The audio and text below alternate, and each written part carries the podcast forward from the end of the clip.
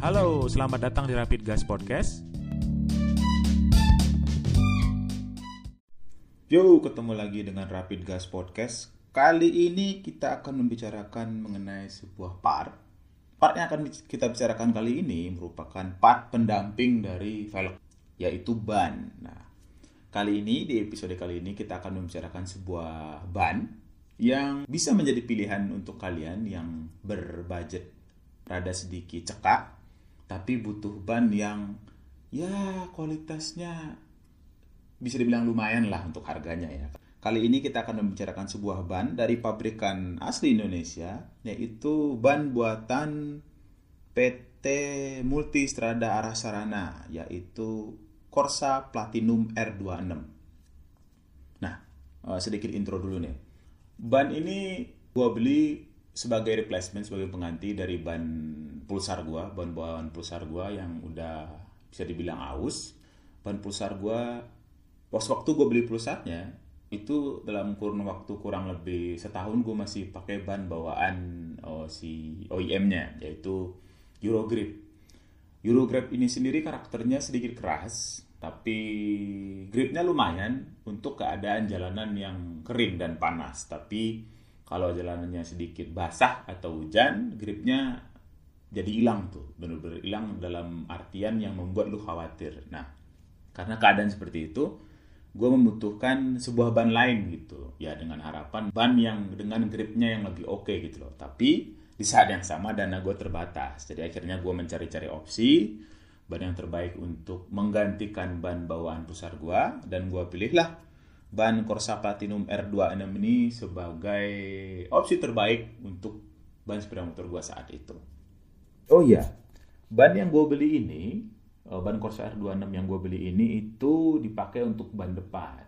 Ban depan gue itu yang ingin gue pakai gue upsize ukurannya dari ukuran 90 per 90 17 itu bawaan OEM ban pulsar menjadi 100 per 80 17 nah bannya ban si Corsa R26 ini gue beli itu di kawasan Cikarang. Karena kan waktu itu gue berdomisili di Cikarang gitu loh. Nah Ban yang gue beli ini ukurannya itu 100 per 80 untuk ring 17. Sebenarnya ban ini rada sedikit apa ya upsize ya lagi. Rada sedikit gue upsize dari ban standar pusar ban standar pusar 220 itu depannya 90 per 90 ring 17 jadi gue upsize sedikit gue lebarin tapaknya tapi aspek rasionya gue rendahin. Dengan harapan sebenarnya di kemudian hari gue ingin mengganti velgnya gitu loh. Velg pulsar itu yang standar bawaannya ukurannya cuma 1,85 inch lebar tapaknya. Dan gue memang berencana untuk mengupgrade tapak velg pulsar itu ke yang lebih lebar ke sekitar 2,15 inch 2,15 inch. Nah untuk mempertimbangkan hal itu akhirnya gue beli dulu nih ban yang rada gede ukurannya untuk si pulsar gue gitu loh. Nah memang pada saat dipasang di velg standar itu terlihat ada sedikit mendonat bannya karena memang upsize kan. Tapi kombinasi ban dan velg standarnya sendiri itu cuman gua pakai sekitar setahun sampai akhirnya gua tuker velg pulsarnya ke velg oh, RCB yang untuk Ninja RR2 tak yang ukurannya lebih besar. Nah, di ukuran di lebar velg 2,15 inch dan ukuran ban 100 per 80 untuk ring 17 itu bisa dibilang cocok gitu dan pas. Karena mempertimbangkan hal itu makanya gue beli bannya dari awal yang R26 ini rada di upsize gitu loh.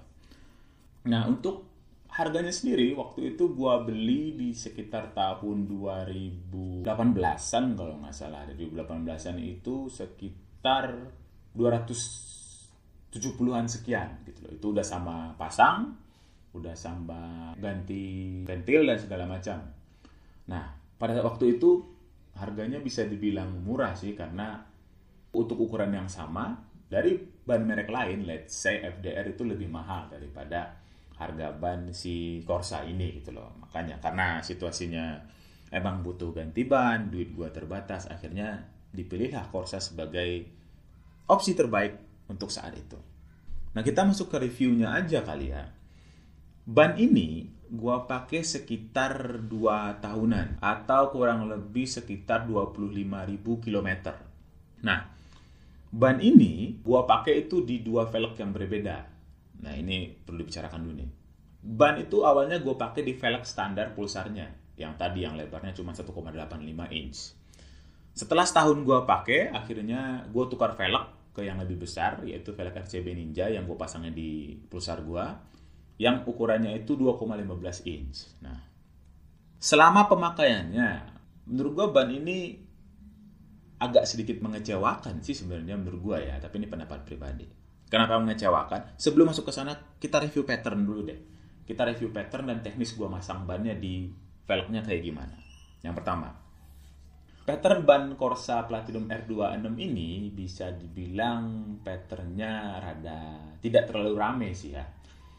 Kalau kalian mau nyari-nyari yang mirip tuh rada mirip menurut gua rada mirip FDR Gen Z patternnya. Nah, pattern sih nggak terlalu masalah buat gue ya karena ya ya pattern ya ya udahlah pattern gitu loh. Tapi tar pattern ini akan ngaruh sebenarnya di sepanjang pemakaian gitu loh, terutama terutama terkait dengan irregularities yang terjadi di threadnya sendiri di akhir pemakaian. Ntar kita bahas itu. Nah, pemasangan bannya sendiri di velg itu kan kalau lu beli ban ada rotasinya kan, ada arah rotasinya kan di ban itu. Nah, ban Corsa R26 ini gua pasang dengan arah rotasi yang terbalik dari penyaranan dari pabrik. Kenapa gue lakukan seperti itu? Yang pertama adalah untuk mengassist uh, gue pada saat hard braking. Karena bentuk patternnya yang uh, kalian google lah pattern R26 kayak gimana.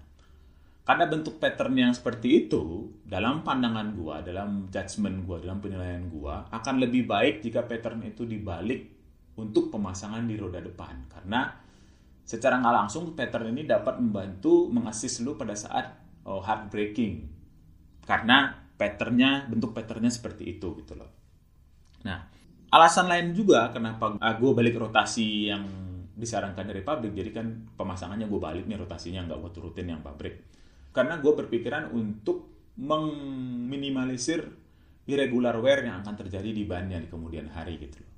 Ban Corsa R26 ini terkenal dengan penyakitnya yaitu irregular wear beberapa temen itu ada yang make cuman dipakai sekitar 10.000 km itu telapak bannya udah regular irregular ini maksudnya ausnya nggak merata gitu loh jadi ada telapak bannya itu yang lebih tinggi daripada yang lain yang menyebabkan stang lu menjadi getar dan itu nggak enak sebenarnya jadi nah, untuk mengcounter hal itu gua memasang ban ini terbalik dari arah rotasi yang disarankan oleh pabrik. Karena semua teman-teman yang masang R26 di motornya itu ngikutin arah rotasi yang dari pabrik, ujung-ujungnya cuma 10.000 km udah regular wear gitu. Dan itu tidak enak sama sekali untuk dipakai. Stang getar, handling lu ngaco segala macam bikin pusing. Jadi untuk mengkonter hal itu, gua balik pemasangannya. Pemasangan rotasi bannya gitu loh. Nah, untuk review awal penggunaan sendiri nih ya. Nah, di awal-awal pemakaian sebenarnya ban ini cukup oke okay menurut gua. Komponnya cukup lengket di jalanan, walaupun keadaan basah dia nggak terlalu licin, masih bisa dipus kencang gitu loh. Tapi ada satu hal sebenarnya yang menurut gua rada annoying sebenarnya dari ban ini. Pas di awal dipasang di velg gua, itu bannya udah menurut gua sih tanda kutip unbalance ya. Jadi pada saat dipasang dipakai itu stang itu udah mulai terasa sedikit getar. Padahal pattern ban masih mulus, belum ada irregularity sama sekali, belum ada irregular wear. Usut punya usut, ya usut punya usut ya gue perhatiin ban doang kan. Antara bibir velg dan bibir ban itu nggak duduk dengan sempurna gitu loh. Jadi dalam artian mungkin pada saat dipasang di bengkel, si mas-mas yang masang bannya nggak terlalu ngerti dengan cara masang ban gitu loh. Karena waktu itu gue lihat memang masangnya pakai alat, pakai alat tire changer gitu. Tapi pelumas yang digunakan itu bukan air sabun, malah oli gitu loh. Nah, ini info nih buat kalian semua nih. Pemasangan ban yang baik itu, pelumasnya yang dikasih di pinggiran, di bit dari ban itu, di pinggiran ban itu tuh sebelum ditempelkan ke velg, itu sebaiknya adalah air sabun, bukan oli. Kenapa? Karena air sabun itu lebih licin lebih bisa membuat si ban velg, si bibir ban itu nemper ke bibir velg sebagaimana mestinya dibandingkan oli. Di long run juga, di pemakaian yang lebih lama, si air sabun itu lebih aman daripada oli. Karena oli ini kan basisnya itu hidrokarbon ya. Min, apa namanya? hasil sampingan dari penyulingan minyak bumi. Ban itu karet. Ban lu, hasil sampingan dari penyulingan minyak bumi, lama-lama ban ini akan mekar. Bisa menyebabkan tanda kutip crack terletak uh, di sekitaran bibir ban lu yang nempel ke velg gitu loh. Tentu kita tidak mau hal itu terjadi kan. Makanya pemasangan ban itu di awal-awal pemakaian lebih baik memakai air sabun daripada oli. Oke, okay? walaupun sama-sama licin, sabun juga air sabun lebih licin loh daripada oli. Jadi membuat si velg dan ban itu lebih duduk, lebih pas gitu pada saat dipompa anginnya. Oke, itu info yang berharga. Jadi kalau kalian terbeli ban, terus ada apa namanya mas-mas bengkel yang ngasih oli, jangan mau tuh bilangin pakai air sabun mas, jangan pakai oli dong gitu loh. Anda mau merusak ban saya gitu dong. Ini kan perlindungan hak konsumen. Nah, lanjut dulu. Di awal-awal pemakaian, jadi setelah ban ini baru gue pakai tuh udah mulai getar gitu di kecepatan 80 km per jam ini stang ini berasa nggak diem gitu berasa kode-kode akhirnya gue amat-amatin bannya dan gue lihat bibir velg dengan bibir ban itu nggak nggak pas gitu. Ada yang rada masuk ke dalam ada yang udah total keluar gitu kalau diperhatiin diputar bannya. Akhirnya gue bawa lagi ke bengkel gue kempesin bannya gue kasih air sabun terus dipompa lagi. Nah setelah dilakukan seperti itu, gue perhatikan lagi, akhirnya permukaan pelok dan permukaan ban benar-benar duduk dulu, benar-benar di posisi sebagaimana mestinya gitu. Nggak ada yang rada mendep ke dalam, nggak ada yang keluar semuanya gitu. Udah-udah benar-benar pas. Nah, pada saat dipakai pun akhirnya getarnya hilang, getar bannya hilang dan lebih enak gitu dipakai untuk kecepatan 80 km per jam ke atas. Nah, setelah itu di awal-awal pemakaian menurut gue juga ban ini secara compound oke. Okay. Di kecepatan 100 km per jaman, ban ini cukup stabil, tidak terlalu ada getar yang berarti. Dan kalau lu pakai ban ini melewati marka jalan yang putih tuh, yang di tengah, dia nggak geser. Nah, tapi performa komponnya yang kayak begitu, yang gripnya bagus, enak pada saat kering maupun hujan, nggak geser pada saat oh ngelewatin marka jalan terus enak dibawa kecepatan 100 km per jaman itu hanya bertahan sampai ya kurang lebih 10.000 km. Nah, di atas 10.000 km mulai tuh kompon ini tiba-tiba mengeras menurut gua. Ini pendapat pribadi ya. Tapi belum irregular wear nih. Telapaknya masih mulus. Keausan antara satu bagian dengan bagian yang lain itu masih sama di ban ini padahal udah 10.000 km berarti terbukti dong hipotesis gua kalau ngebalik arah rotasi dari bannya untuk ban depan itu cukup ampuh gitu untuk uh, memprevent bannya untuk mengalami irregular wear pada saat 10.000 km. Poin plus yang pertamanya ya, ya oh, irregular wear dari bannya belum terjadi, belum nongol. Tapi switch komponnya ini benar-benar drastis menurut gua. Yang awalnya si ban ini lengket dan enak dibawa di jalanan, dibawa di aspal, tiba-tiba bannya menjadi keras. Literally keras gitu loh. Di pemakaian setelah 10.000 km ini mulai tuh kerasa bannya kalau lewat markah jalan tuh ada geser dikit rasanya.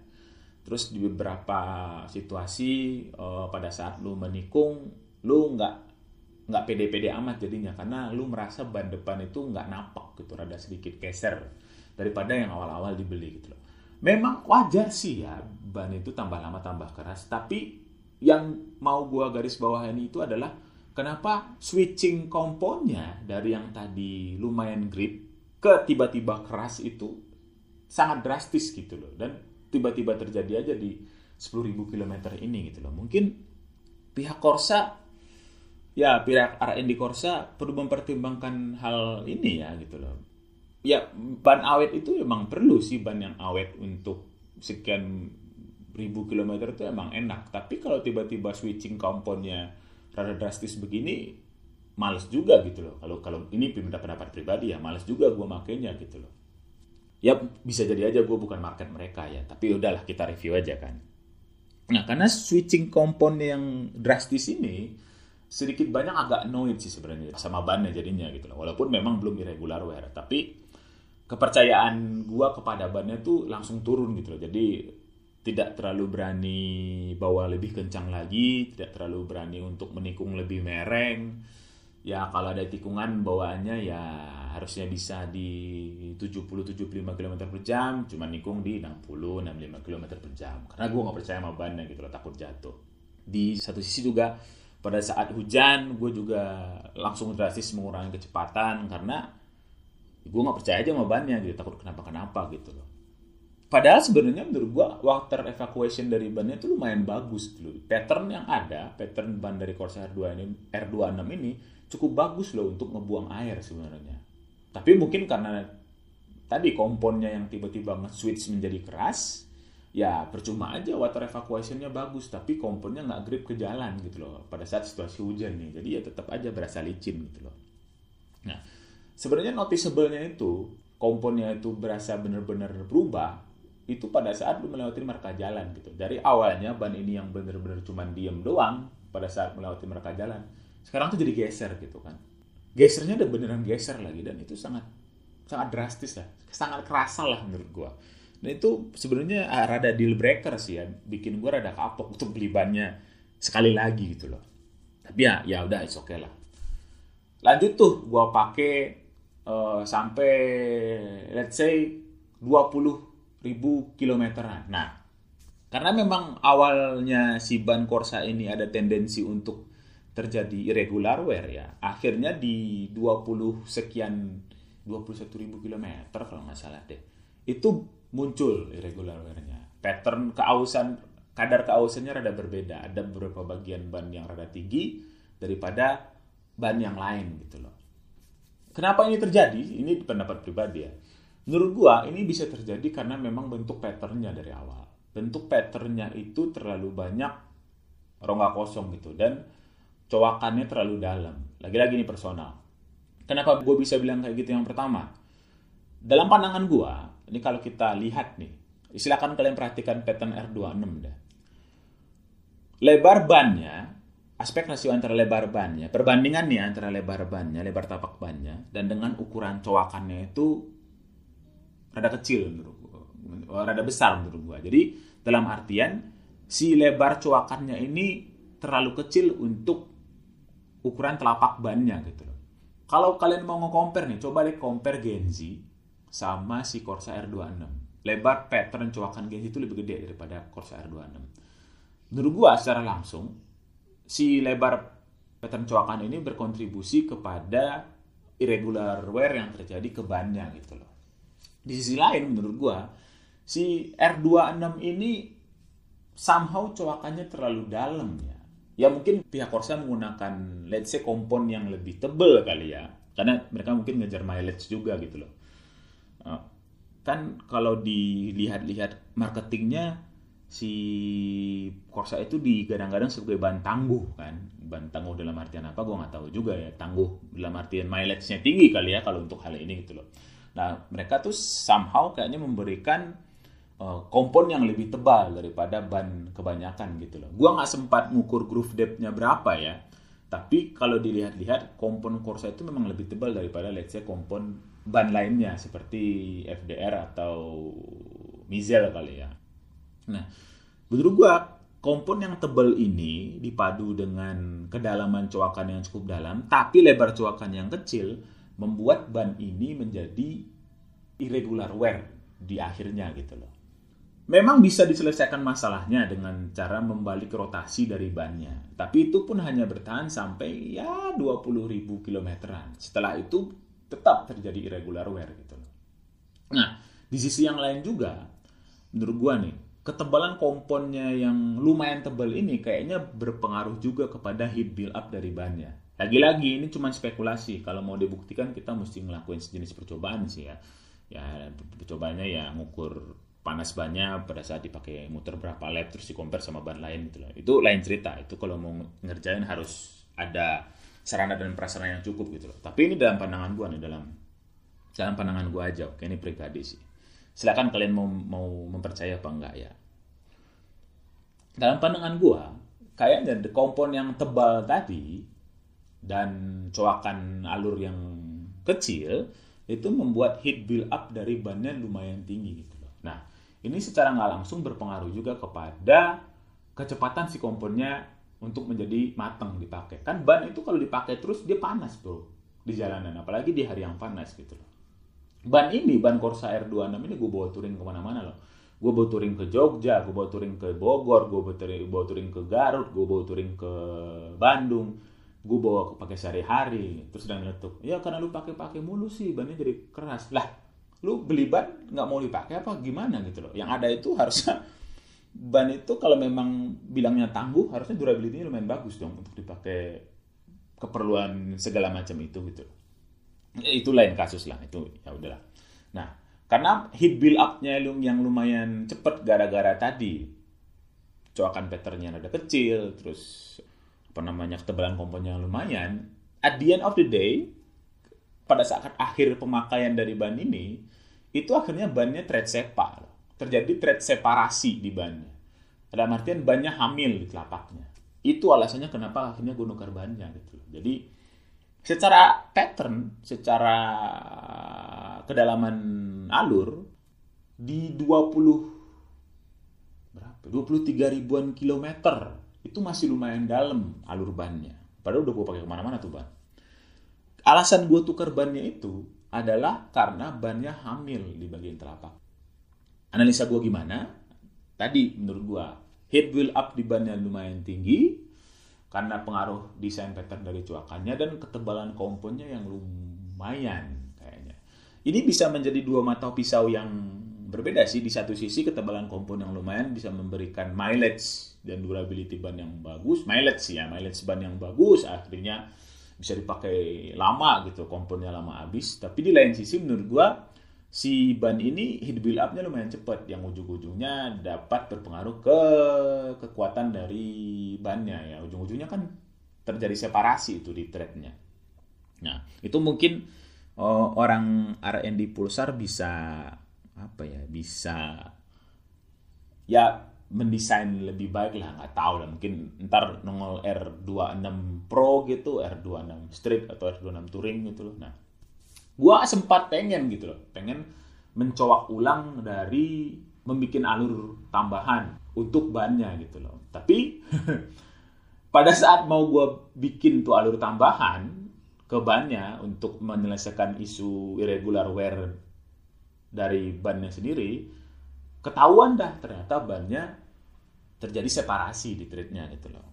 Di akhir-akhir pemakaian, let's say lewat dari 20 ke 20 ribu kilometer, ban Corsa R26 ini sama sekali nggak enak dipakai menurut gua. Stang gua tuh godek-godek, bahkan segodek-godeknya udah mulai dari 70 km per jam karena tadi kan bannya udah irregular wear. Terus bannya geol-geol, kalau jalannya nggak rata dikit dia geol, jalannya rata dikit nggak geol, gitu. Eh, jalannya nggak rata dikit dia geol mulu gitu loh. Karena tadi komponnya udah mulai mengeras gitu loh. Kayak kompon ini nggak punya traksi gitu ke ke jalanan gitu loh. Lebih parah lagi kalau jalannya di gravel, di, di jalan cor-coran, uh tuh bikin pusing tuh bannya di jalan aspal sih masih mending masih kerasa diem. Tapi kalau bawa dikit ke jalan yang cor-coran yang gravel uh pusing bro. Stang lu kayak nggak bisa diem gitu. Lo harus megangin stangnya bener-bener tuh biar biar motornya nggak nggak ke mana-mana nggak jatuh gitu loh. Terus gue udah nggak berani buat nikung miring sama sekali apalagi ya. Udah nggak berani tiba-tiba hard braking udah pokoknya bawa motornya udah full awareness lah maksimum kecepatan juga cuma 100 km per jam nggak berani lebih daripada itu karena takut aja gitu loh. Ada beberapa kasus gue lagi berkendara di jalan cor-coran tiba-tiba ada ibu-ibu lah ya kita tahu ibu-ibu lah ya. Dia lampu sennya di kiri.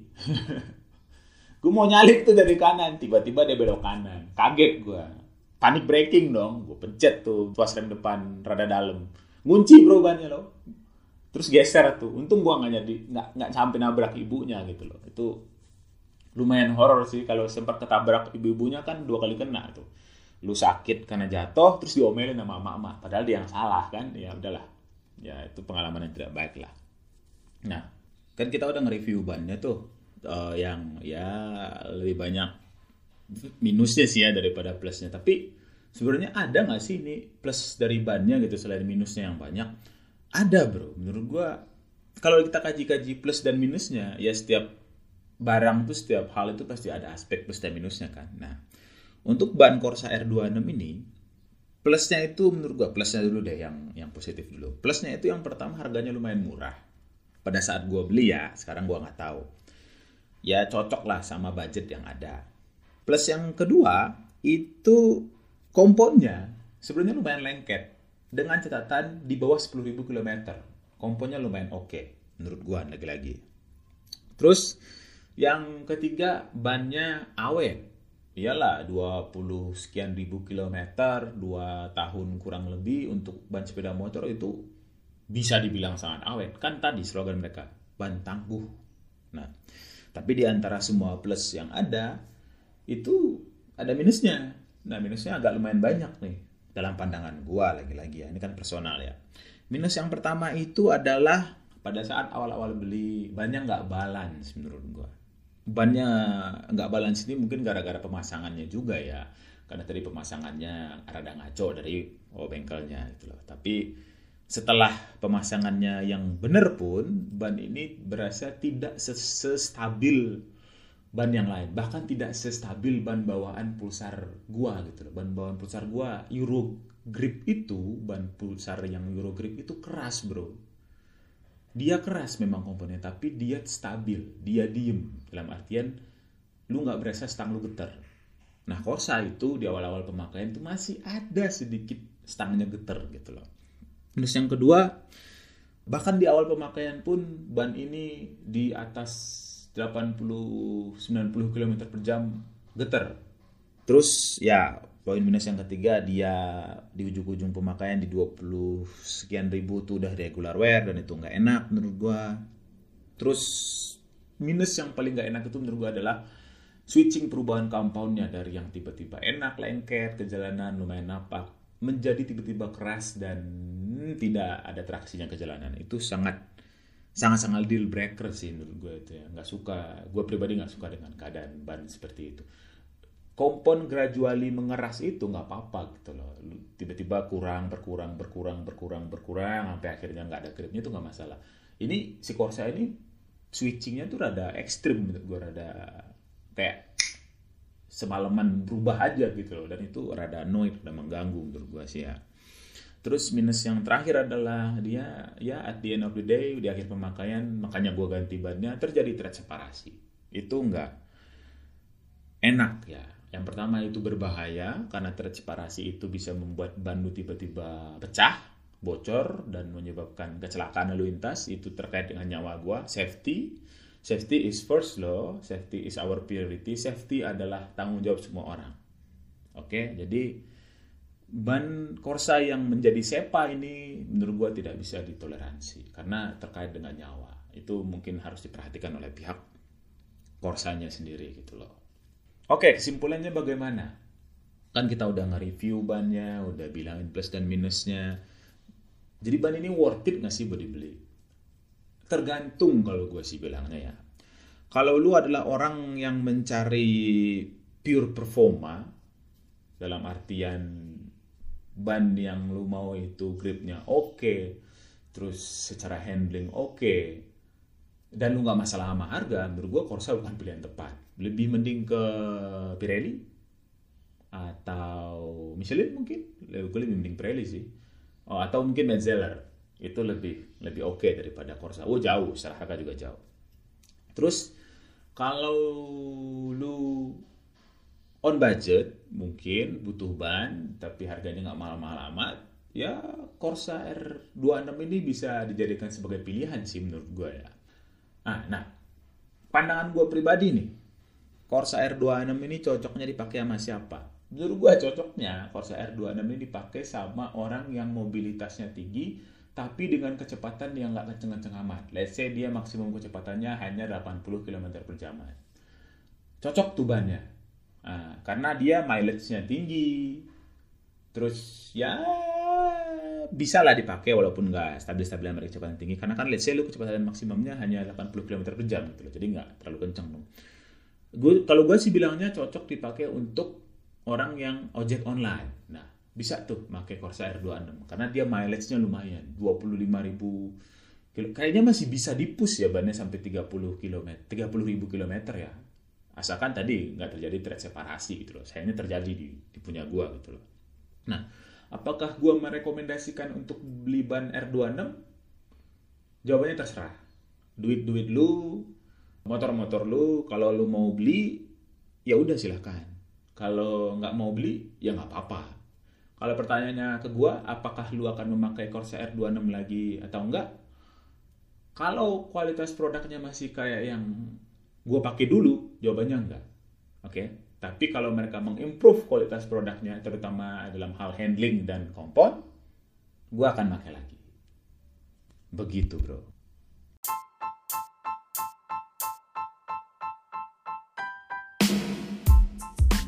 Segitu dulu aja untuk podcast episode kali ini. Terima kasih sudah mendengarkan. Sampai jumpa di podcast episode selanjutnya.